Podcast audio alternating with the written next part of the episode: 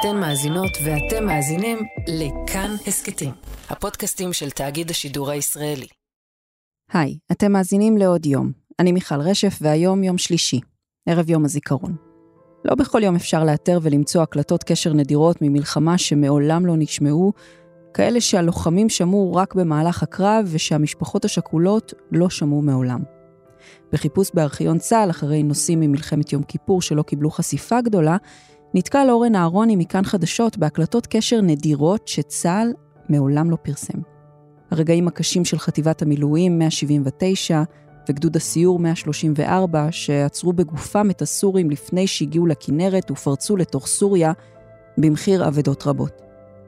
את הפרק הזה של עוד יום נייחד לזכרם ולזכר הקרב ההוא. שלום אורן אהרוני. שלום מיכל. בקטעי הקשר הדרמטיים שומעים את קולות המלחמה, את הרגעים הקשים של ההפגזות, של מות החברים, פינוי הפצועים וכיבוש הגולן.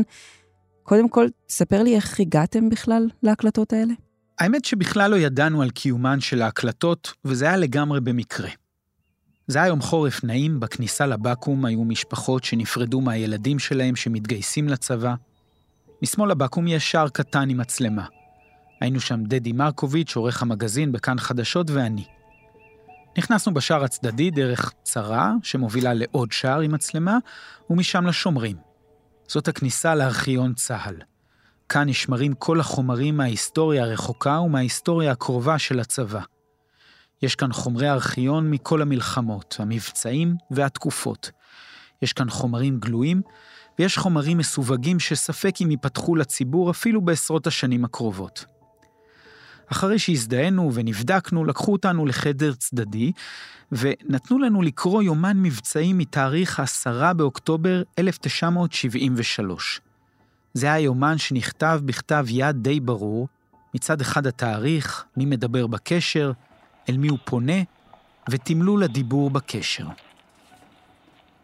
זה היה חומר ששכב בארכיון ונאסר לפרסום עד השנה.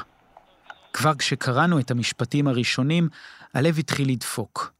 הבנו שאנחנו עדים לאוצר היסטורי. קולות הקשר שנשמרו חסויים רחוק מאוזני הציבור, קולות שלא נחשפו מעולם של המפקדים באמצע הקרבות, חלקם בחיים וחלקם כבר לא.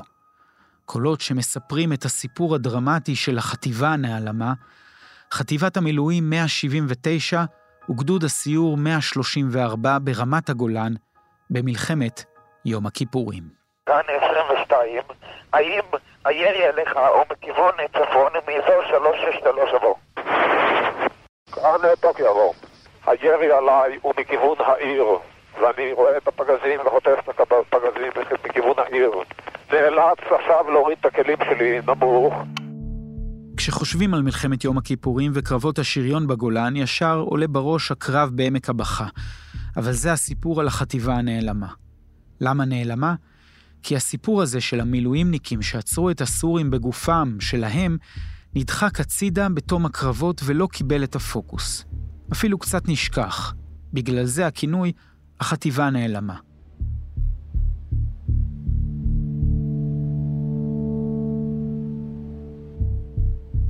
אנחנו נמצאים ברמת הגולן, מזרחית לקצרין, קרוב לכביש 87, באזור שנקרא חושניה.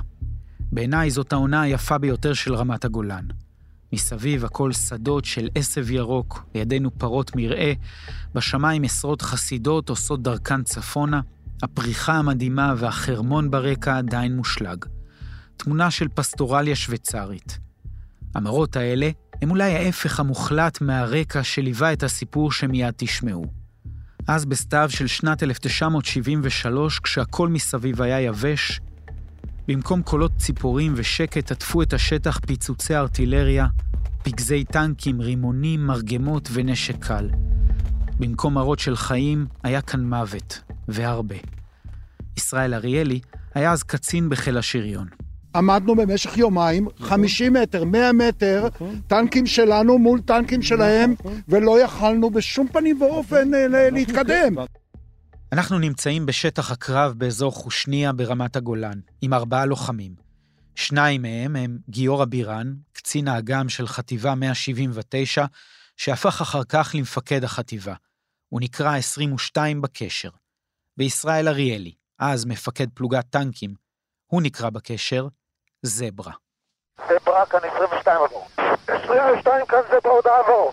כאן 22, אני רואה שיורים עליך עבור. כאן זברה, מאיזה יציאות שלנו עבור. כאן 22, הכלי השמאלי שם ראיתי מאחורה, האם הוא שלך עבור. חיובי, חיובי, הוא קיבל הפגזה. כאן 22, ערות, שינוע אחורה, וייזהרו, יש הפגזה חזקה. ישראל אריאלי, זברה בקשר, היה אז בסך הכל בן 29. חבר קיבוץ גניגר ורכז התרבות של המועצה האזורית עמק יזרעאל. זאת לא הייתה המלחמה הראשונה שלו. שש שנים לפני הוא השתתף במלחמת ששת הימים, הוא היה אמור להתחתן אחרי יום כיפור, וכשפרצה המלחמה, הוא דחה את חתונתו. היינו החטיבה המהירה של פיקוד צפון, זאת אומרת שאנחנו נקראים למלחמה הראשונים מבין כל כוחות המילואים. כמה ימים לפני המלחמה הם סיימו אימון. ישראל אריאלי נזכר שדיברו איתם וביקשו שיתכוננו. ישבנו כל היום, בשתיים בצהריים התחלנו להרגיש אה, בקשר את כל מה שקורה ברמת הגולן, אבל אנחנו כאבירי הקרבות של אה, מלחמת אה, ששת הימים, לא התרגשנו כל כך, חשבנו זה איזה יום קרב. בקיצור, לפנות ערב לקחו אותנו למחנה על יד צומת גולני, ושם היינו צריכים לקבל טנקים. הטנקים לא היו מזוודים, היה סיפור, לא היה ציוד, לא היה תחמושת. הכנו אותם, וב-12 בלילה התחלנו לנסוע על שרשראות לכיוון שדה נחום, לכיוון גשר אריק. גדוד הסיור 134 גם הוא הורכב ממילואימניקים. הוא הוקם שנה לפני המלחמה, וחנני תבור הפך להיות המפקד. בחור בן 33, נשוי עם שני ילדים, אז תושב כרמיאל. גדוד סיור 134 היה אחד משלושה גדודי סיור שהוקמו בשנת 72. היו שלוש פלוגות מעורבות של טנקים ונגמ"שים ופלוגת ג'יפים. ופלוגת מפקדה שאמורה הייתה לשרת את הכוח הזה גם במשימות מפוצלות. יום לאחר תחילת המלחמה, ביום ראשון, ה-7 באוקטובר, מצאו עצמם ביחד חיילי החטיבה וגדוד הסיור נלחמים בנחיתות מספרית מול מאות טנקים ואלפי חיילים סורים. את הקולות שתשמעו עכשיו, גם הלוחמים לא שמעו עד היום. טוקיו בקשר הוא חנני תבור. זברה הוא ישראל אריאלי. הירי עליי הוא מכיוון העיר, ואני רואה את הפגזים וחוטף את הפגזים מכיוון העיר. נאלץ עכשיו להוריד את הכלים שלי נמוך ולהפנות התותחים לכיוון העיר. כאן זברה על הציר, איפה מקבלים תחמושת עבור? תיסע 500 מקדימה ותקבל תחמושת, רק אני לא יודע איך הגעת משם עבור. הבלבול ששומעים בקשר הוא המאפיין של השעות הראשונות של המלחמה, כשזברה, הוא ישראל אריאלי, הגיע לרמה עם הכוחות הראשונים. חטיבה 179, בפיקודו של רן שריג, בלמה את הכוח הסורי ביום ראשון בבוקר השביעי לחודש, כאשר לא היה אף אחד חוץ מהטנקים שלנו, לא נשמע שום קול דובר עברית. זה היה לנו שוק שאי אפשר לתאר בכלל. אנחנו פתאום ראינו, מה? מלחמה על הירדן? ואז הבנו את גודל האירוע שעומד לפנינו. אנחנו לא ראינו אותם, אז כל סלע חשבנו זה טנק. זה היה פחד. כאן 22, שיירה שלהם בורחת לכיוון העיר. 27 דחוף עבור. פריים הם נעים דרום עבור. חיובי, חיובי. רות, 27. מצפה לכביש 57, 500. אש במהירות, אש במהירות סוף. מפקד פלוגת הטנקים ישראל אריאלי נלחם עם הכוחות הראשונים שהגיעו לאזור. כאשר במקביל כבר בשעות הבוקר המוקדמות התחילו להגיע טנקים סורים של דיוויזיה 101, נעו מכיוון תל פארס על ציר המפלים. חנני תבור, מפקד גדוד הסיור, הצטרף עם הכוח שלו ללחימה. אילן הגיען הראשון, והוא תפס את הגבעות האלה שאנחנו רואים כאן מדרום לנו, והתחיל לנהל קרב עם הסורים שהיו פרוסים כאן בטווחים של מאות מטרים. שהם ניסו לבצע כל מיני מהלכים של התקדמות, היה ירי מאוד מאוד כבד כאן. 22 בקשר הוא גיורא בירן. הוא התחיל את המלחמה כקצין אג"ם של החטיבה, ולאחר שהמח"ט נפגע הוא קיבל את הפיקוד על החטיבה. טוקיו כאן 22, שימו לב, האויב מחזיק במרחב עם הרבה כוחות שמדפים עלינו במספר כנראה. אנחנו לא נתקוף עם ראש בקיר את האויב, אלא נחזיק מעמד וננהל איתו אש בצורה מבוקרת וזהירה. לאחר שנקבל כוחות נוספים, אנחנו נתקוף אותו. מה שאני מבקש זה לתפוס עמדות טובות, לנהל אש בצורה מבוקרת, לא להוציא שם תחמושת, תיקונים טובים, עמדות טובות ולא להיפגע. היום קשה לתפוס את מימדי הקרב ההירואי שהיה כאן. קרבות של שריון במרחקים קצרים מאוד, עשרות טנקים ישראלים מול מאות סורים. החיילים מסתכלים אחד על השני מטווחים של מטרים בודדים, הפגזים נוחתים כאן כל שנייה. מפקדים נהרגים. 22 כאן טוקיו עבור. כאן 22, האם מזהה עכשיו נפילות עבור? כאן אה, טוקיו, מזהה נפילות אחרי הכפר, נכנס לאזור שיש שם אה, הרבה כלים של אויב, החיילים שלהם מתרוצצים, בשלב זה משמיד אותם. נתתי לו הוראה להשמיד ולתפוס אותם, אה, ולתפוס לעצמו הגנה היקפית עבור. כאן 22, אתה תהווה החיפוי מדרום לתקיפה של בושם וזברה, תנטרל את החלק הדרומי שלא ידפוק את בושם ואת זברה מהאגף, ותראה גם לאזור החלק הצפוני של העיר. האם ברור? כשמסתכלים מערבה רואים כבר את המורדות של הכנרת. אוטוטו והסורים שם. וכאן בשטח חבר'ה בני 20 פלוס, 30 פלוס, שהשאירו משפחות בבית, רבים מהם נשואים עם ילדים, חלקם נלחמו פה כבר בשנת 67, מוצאים את עצמם חוסמים בגופם ממש כך את האויב הסורי. הסורים פרצו פה עם מאות רבות של טנקים, נגמשים, תותחים, BRDMים וכל מה שיש להם בארסנל. גיורא בירן, 22 בקשר, היה אז בן 26. כשפרצה המלחמה הוא היה מאושפז בבית החולים זיו בצפת בגלל מחלת הצהבת. ביום שבת בבוקר הוא עזב את בית החולים. מה זה עזב? ברח בלי שישחררו אותו. הוא לבש מדים ומיהר לחטיבה שהייתה עסוקה בתחילת הגיוס ובהצטיידות.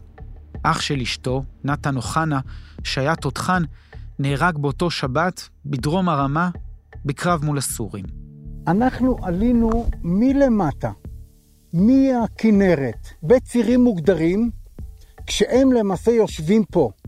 אם הם היו מתקדמים עוד שעה ותופסים את הרכסים, שזה קו פרשת המים, ששולטים על צירי העלייה, אני לא אומר שעם ישראל גמור, אבל הם היו גולשים לכנרת, או לא מאפשרים לנו לעלות. האנשים אצלנו היו בהלם, הלם טוטאלי, אבל הקרב הראשוני, ההתעשתות הראשונית של המפקדים, האיגופים והתנועות הטקטיות שהביאו לדחיקת הסורים לכיוון חושניה. עופר אבידוב גויס למלחמה כקמב"ץ בגדוד הסיור. הוא גר בנהלל עם אשתו, בת בת שלוש ובן בן שמונה חודשים. זאת לא הייתה המלחמה הראשונה שלו. בששת הימים הוא היה סגן משנה, ובמלחמת ההתשה נלחם בתעלת סואץ. שני אחיו הנוספים גויסו גם הם, אח אחד בסיירת מטכ"ל בגולן, ואח השני בסיני. היינו כל כך שקועים במה שאנחנו עושים, חשבתי אפילו לא הרגשתי פחד. לימים אני לא, לא מצליח לתרגם לעצמי את העניין הזה, אבל כל כך היינו עסוקים במה שקורה, במה שעושים. אנשים רצו קדימה עם הטנקים, ואיך אומרים? נלחמו כאריות. גם נפגעו כמובן, לצערנו הרב. בזמן שעופר אבידוב נלחם באזור הזה, לא רחוק מכאן, אחיו גדעון, שהיה עם כוח של סיירת מטכ"ל בפיקודו של יוני נתניהו, נתקל באויב סורי. הקומנדו הסורי, עם מסוקים, נכנס מצפון לנפח, אז כוח של אה, סיירת מטכ"ל נשלחו לשטח למצוא את הקומנדו האלה, ובמהלך הסריקה אה, התרוממו שני סורים מאחרי מסתור, ואח שלי נפגע. איך אמר הרופא שטיפל בו, היה הפצוע הראשון שלי במלחמה, והוא הגיע לבית חולים אה, מאוחר מדי. ועוד, ועוד אח שלישי בסיני, כולנו קצינים. ואיך אמא שלי אמרה, אני ידעתי שלא כולם יחזרו. סרן אילן קרן, אחיו של עמוס, היה אחד המפקדים שנלחמו ממש כאן, בקרב הבלימה. הוא נלחם כשהוא נמצא חשוף בצריח הטנק. את עמוס פגשנו באזור שבו נהרג. אילן היה טנק קשר, והוא היה מפקד, שניהם חשופים בצריח, לא כמו הסורים שהצריחים שלהם היו סגורים. הם הגיעו לשם, והם נפגעו מפגז סורי, ושניהם נהרגו במקום, והנהג, אריה, לקח איתו חצי משקפת, הייתה תלויה לאילן על הצוואר, חצי משקפת, רק צד אחד, והוא לקח אותה. הוא לקח אותה והם ירדו, הם הסתלקו מכאן, גם ירו להם סאגרים, והם הגיעו לכיוון כוחותינו. מהסיורים שהם עשו כאן, חנני מצא את החצי משקפת, ופה יש את המספר צדיק שלו. הוא בדק במחנה, בבסיס, והוא ראה שזה שייך לאילן. ואז הם הביאו לנו את זה ב... ביום הזיכרון. חצי משקפת שנפלה בשטח מהפגיעה של הפגז. גופתו של אילן קרן, זכרו לברכה, נותרה בשטח, כמעט חודש חלף עד שמצאו אותו. כאן 22, אתמול השארנו בכמה מקומות כלים אה, עם אנשים הרוגים. אני מבקש, צריך לגרור את הקמרה ולהוציא לפחות את ההרוגים ולהתחיל לפנות אותם לאסור ההרוגים נשארו בטנק, הם ברחו. הנהג, שלושה שבועות. שלושה שבועות נשארו? כן, נשארו בטנק. וה... הרוגים? הרוגים, שניהם, כן. מה חשבו במשך שלושה שבועות? הם היו נהדרים. הם היו נהדרים. לא היה זמן בכלל להתעסק עם זה פה, מה שהלך פה זה זוועה. בשבת, בשישה באוקטובר, כשהחלה המלחמה, ישב שי הכהן בן קיבוץ גבת שבעה על אחיו. באותו יום ציין גם את יום הולדתו ה-36. הוא צורף לגדוד 134, ועם סיום הקרבות בחושניה, הם התחילו להתקדם מזרחה. שי היה נשוי לציפורה, והיו להם שלוש בנות. היא באה לפגוש אותנו ברמת הגולן. תחבק אותך. בשבילך באתי. יופי שהגעת. היא מספרת לחברים לנשק על הערב שבו בעלה שיה יצא למלחמה. זאת הייתה הפעם האחרונה שהמשפחה ראתה אותו. אבא שלו בכה, ואמר, אל תלך, אנחנו יושבים שבעה, אני מבקש אותך, תישאר בבית. ניסיתי לעזור לאבא, הוא לא הסכים, אה, הוא אמר, אין, אין כאן מה לעשות, הוציאה את המדים שלו היפים, מגוהצים מהארון, נעלי הזה, הכנתי סנדוויצ'ים, כמו תמיד, אה, לכל הגדוד, והלכנו ללוות אותו עד לחנייה. היו לו עיניים נורא יפות, והוא נפנף לשלום, חיבק אותנו, ויצא וזהו. בתאריך העשרה באוקטובר הם כבר היו בהתארגנות לקראת קרבות ההכרעה. גיורא המח"ט, 22 בקשר, חיפש מקום לנוח לפני המשך הקרבות. המחשבה הייתה שצה"ל כבר הצליח לסלק מהמקום את כל הכוחות הסורים ששטפו את האזור לפני ארבעה ימים. אני, היה לי בראש צריך להיכנס לחניון. ראיתי מקום יחסית עגול, אמרתי, אוקיי, חניון עגול, מתאים.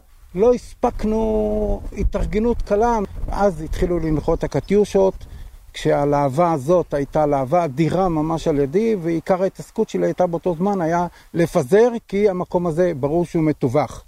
בצדדים עצי תאנה, והכלים המשוריינים החלו להסתדר לחנייה. לפתע משום מקום החלו לנחות עליהם קטיושות. מתברר שהסורים היו עוד באזור, ראו את הכוח חשוף והחלו לטווח.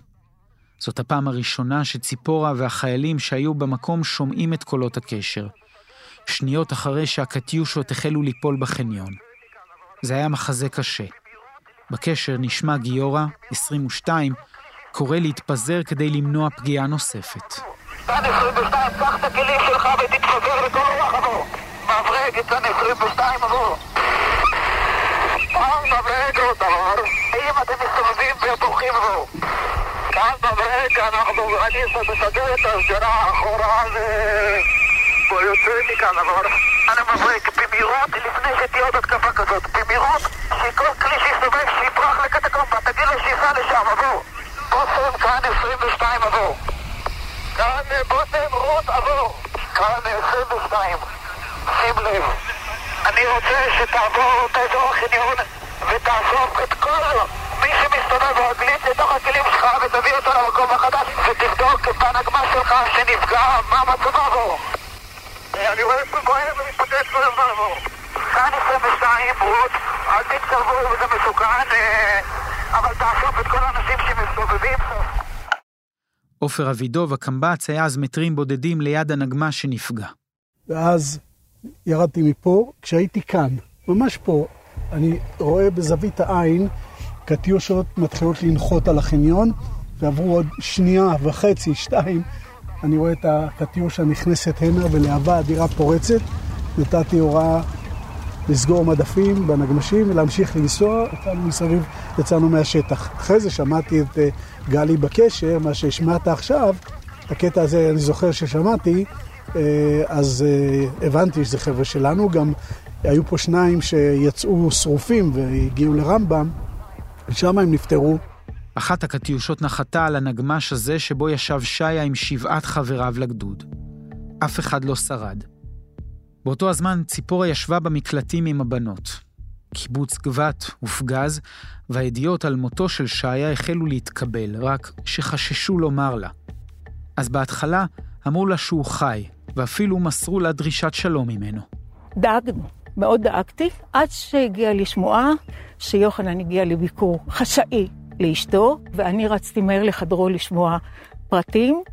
הייתי במצב רוח טוב, כי ערב קודם נמסרה לי דרישת שלום, וראיתי את יוחנן עומד גדול כזה, עם עיניים אדומות, ואני ייחסתי לזה שהכל זה המלחמה. וישר שאלתי, מה שלום שיה? והוא אמר לי, בשקט, הוא לא הסתכל עליי ואמר לי שיה מת, אני אומרת, זה צחוק. די, שמעתי, מה שלום שיה? באמת, תגיד לי, הוא פנה אליי ואמר לי, ציפורה שיה נהרג. הוא הבין שאני לא מבינה, הוא תפס והטיח אותי על הכורסה, זה היה בבית שלו, וצעק, ציפורה שיה נהרג. ואחר כך העבירו אותי לבית שלי. גמורה, שבורה, בת שלושים, לבד. חמישה בנים איבד קיבוץ גבת במלחמה. במקום שבו נהרג שיה השאירו עד היום את הנגמש השרוף. בתוכו שתלו שתיל קטן של עץ ארז, היום הוא ענק, יוצא מתוך הנגמש. הפך להיות חלק ממנו. זכר לתופת שהייתה כאן במלחמה. לאחר המקרה הטרגי, לא היה זמן להתאבל. למחרת החטיבה הייתה כבר בכוננות לפרוץ לסוריה בציר אמריקה שהיה הכביש הראשי לדמשק. אבל משהו השתבש. בלי הכנה מוקדמת, הם פרצו לתוך שטח אויב סורי שהיה מבוצר ומוכן. כשהכלים נעים קדימה ובצדדים יושבים הסורים ומטווחים את חיילי החטיבה והגדוד. כל השטח הזה, כמה שהוא עכשיו בהיר, היה מלא עשן, מטוסים טסו מעלינו, לא יודע על מי הטילו את הפצצות שלהם, כל מלא טנקים. אנחנו נמצאים עכשיו על החרמונית, תל גבוה ברמה לא רחוק מבוקעתה. למרגלותינו עמק הבכה. כמה מאות מטרים למטה עובר הגבול עם סוריה. עכשיו בחול המועד יש כאן עשרות מטיילים. בין העמדות, התעלות, הבונקרים, מסתכלים מזרחה, חשופים.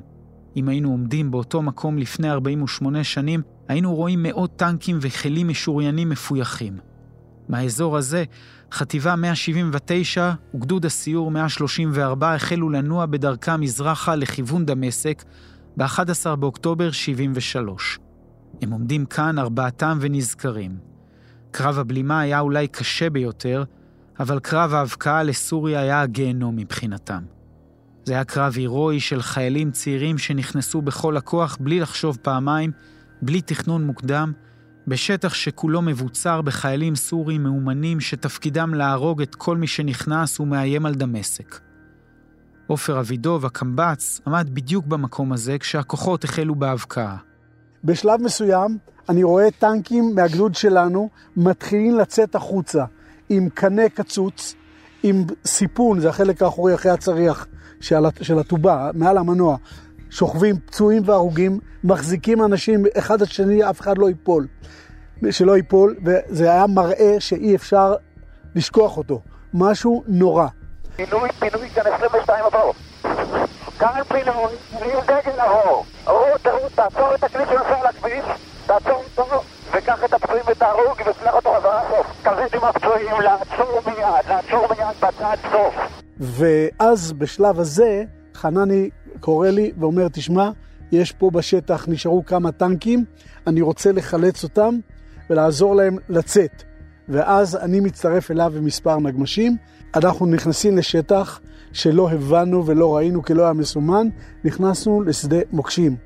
חנני מוביל אותה עם הטנק שלו. איך שאנחנו נכנסים, אחד הנגמשים עולה על מוקש, החבר'ה עוזבים אותו, עוברים לכביש, אני ממשיך עם שני נגמשים אחריו. מתקדמים עוד 50 מטר, אור אחרון, הוא עולה על מוקש. חנני תבור, מפקד גדוד הסיור 134 הוא טוקיו בקשר. בששת הימים הוא היה סמ"פ בחטיבה 179, במלחמת ההתשה נלחם בגזרה הדרומית כמפקד פלוגת הסיור. הוא לא תיאר לעצמו שימצא את עצמו בכוח הפורץ לסוריה. כאן טוקיו, יש לי טנק פגוע, הרוג וכמה פצועים. אני בודק מיד אם אני יכול לפנות אה, אחורה. נשארתי במקום שלי רק עם שני כלים עבור. האם הכלי שנפגע מושבת עבור? אה, חיובי, הוא גם עומד במקום מטווח, כאן 22 רות. האם מצב הפצועים קשה, קשה עבור? מצב שצריך לפנות בכל זאת עבור. גיורא בירן, 22 בקשר, שפיקד גם הוא על קרבות הבלימה, לא תיאר לעצמו שדווקא ההבקעה לסוריה תהיה עבורו חוויה קשה ומטלטלת יותר. כאן הוא נפצע באורח אנוש, עבר ניתוח שדה מורכב שהציל את חייו, על אומץ ליבו בקרבות הוא הותר בעיטור המופת. לי זאת הייתה השעה הקשה בחיים. אתה נוסע על כביש, טנקים שלך נפגעים מימין ומשמאל, מאחוריך, חיילים רצים על הכביש, אתה נזהר, צועק לנהג לא לדרוס אותם על הכביש, לא לדרוס אותם, אתה לא יכול לרדת מהכביש. זה היה קרב הירואי כשהכל הכוונה היה לדחוף קדימה. נפגעים לדחוף קדימה, לא לפנות, לא לטפל, קודם לבצע את המשימה להגיע לחאן ארנבי. והגענו לחאן ארנבי. ארבעה, חמישה טנקים, הגענו לחאן ארנבי, כל השאר נפגעו. אני אוסיף עוד משהו, חבר'ה שנטשו טנקים ושכבו בצד הכביש, ובאו טנקים חדשים, ועמדו על ידם ויורים, והחבר'ה מסמנים למטר, תזוז הצידה, יורים עליך, יפגעו בנו. זה היה משהו מטורף לגמרי. ולאט לאט פינינו את כולם החוצה למה שנקרא משתלת קרן הקיימת, שם היה את האגד הגדודי, חטיבתי. יורא לא מספר לכם, אבל הוא נפגע. כן. הוא נפגע קשה מאוד, אחד הפצועים הקשים ביותר במלחמה. הוא הגיע לחנרנבה, נפגע, פינו אותו, ואנחנו נשארנו חמישה טנקים שם. גם ישראל אריאלי, זברה בקשר, מתאר את השעות הקשות בכניסה לסוריה. זה היה קרב, איך אתם קוראים לזה, הירואי? הרבה יותר מהירואי, זה ללכת מול האש משני צידי הדרך.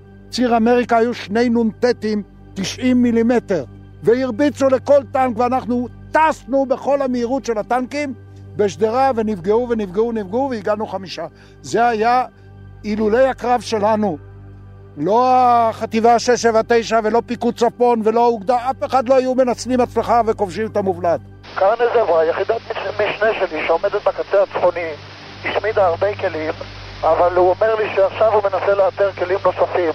אני מעריך שרוב האויב הושמד, אה, ישנם פה ושם עוד כמה כלים. אנחנו בעצם בהבקעה בגופנו פתחנו את הדרך למובלעת וכך ניצחנו את המלחמה. היו פה דברים אדירים אדירים של... במידת ממדי הפגיעה, הגדוד שלנו נכנס עם 19 טנקים, שניים נשארו שלמים. זה היה הקרב שבו חנני תבור, מג"ד 134, טוקיו בקשר, נפצע. הוא מתאר היום את מה שהוא זוכר, ואת קולות הקשר שניות לפני שאיבד את ההכרה. האדמה רעדה כאן, יש כאן חבר'ה שמתארים שהטנקים התרוממו באוויר. רציתי להיכנס, להוציא, אולי לנסות להוציא פצועים, ביקשתי קודם כל ארטילריה, שום סיוע לא קיבלתי, ואז החלטתי להיכנס עם הטנק הבודד. הגענו לפצוע הראשון, אני קפצתי מהטנק ואחריי הטנק קשר. כמו שרגלינו נוחתות על הקרקע, פגיעה בדיוק בחלק העליון של הצריח. התותחן שניסה לצאת אחרינו נפצע קשה מאוד uh, בפנים ונפל לתוך הטנק. הצלחנו להעמיס את שני הפצועים, ואז קראתי לעופר ולווייסר שיבואו וייכנסו אחריי כבר מחשיך, שאולי נצליח להוציא את השניים שנותרו שם. כאן 22 רות, אני ראיתי שהוא נפגע, האם יש לך פצועים בטנק עבור? הכל נפרס אצלי ונשבר עבור. כאן 22 רות, בסדר. אה, תישאר בכלי שלך, אני רואה שאתה עומד מקום טוב, תשלח את הכלים. תראה מאחוריך עכשיו נכנס פיתה, האם רואה אותו עבור? אני איבדתי את ההכרה, אני לא זוכר מאז, אה, מהקטע הזה שום דבר. אה, מסתבר שהטנק, כשהוא ניסה להסתובב, גם עלה על אה, מטען, פרס את הזחלים, ואז החבר'ה חילצו אותי לנגמשים. ב-19 באוקטובר עוד נלחמה חטיבה 179 מול חטיבות טנקים סורים, עיראקים וירדנים. הגבורה של המילואימניקים האלה אפשרה לבלום את הסורים לפני מורדות הכינרת, ובתוך כמה ימים להשתלט על מובלעת בתוך סוריה, בדרך המובילה לדמשק. אנחנו מסיימים את הסיור שלנו בעקבות הקרבות. כבר אחרי הצהריים, ועם ישראל נמצא בפקקים בדרך הביתה.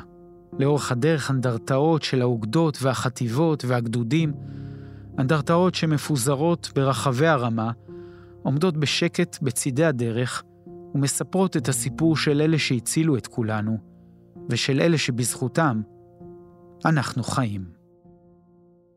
אורן אהרוני, תודה רבה. תודה, מיכל. האזנתם לפרק של עוד יום. ערכו דניאל אופיר וניר גורלי, עיצוב פסקול רחל רפאלי.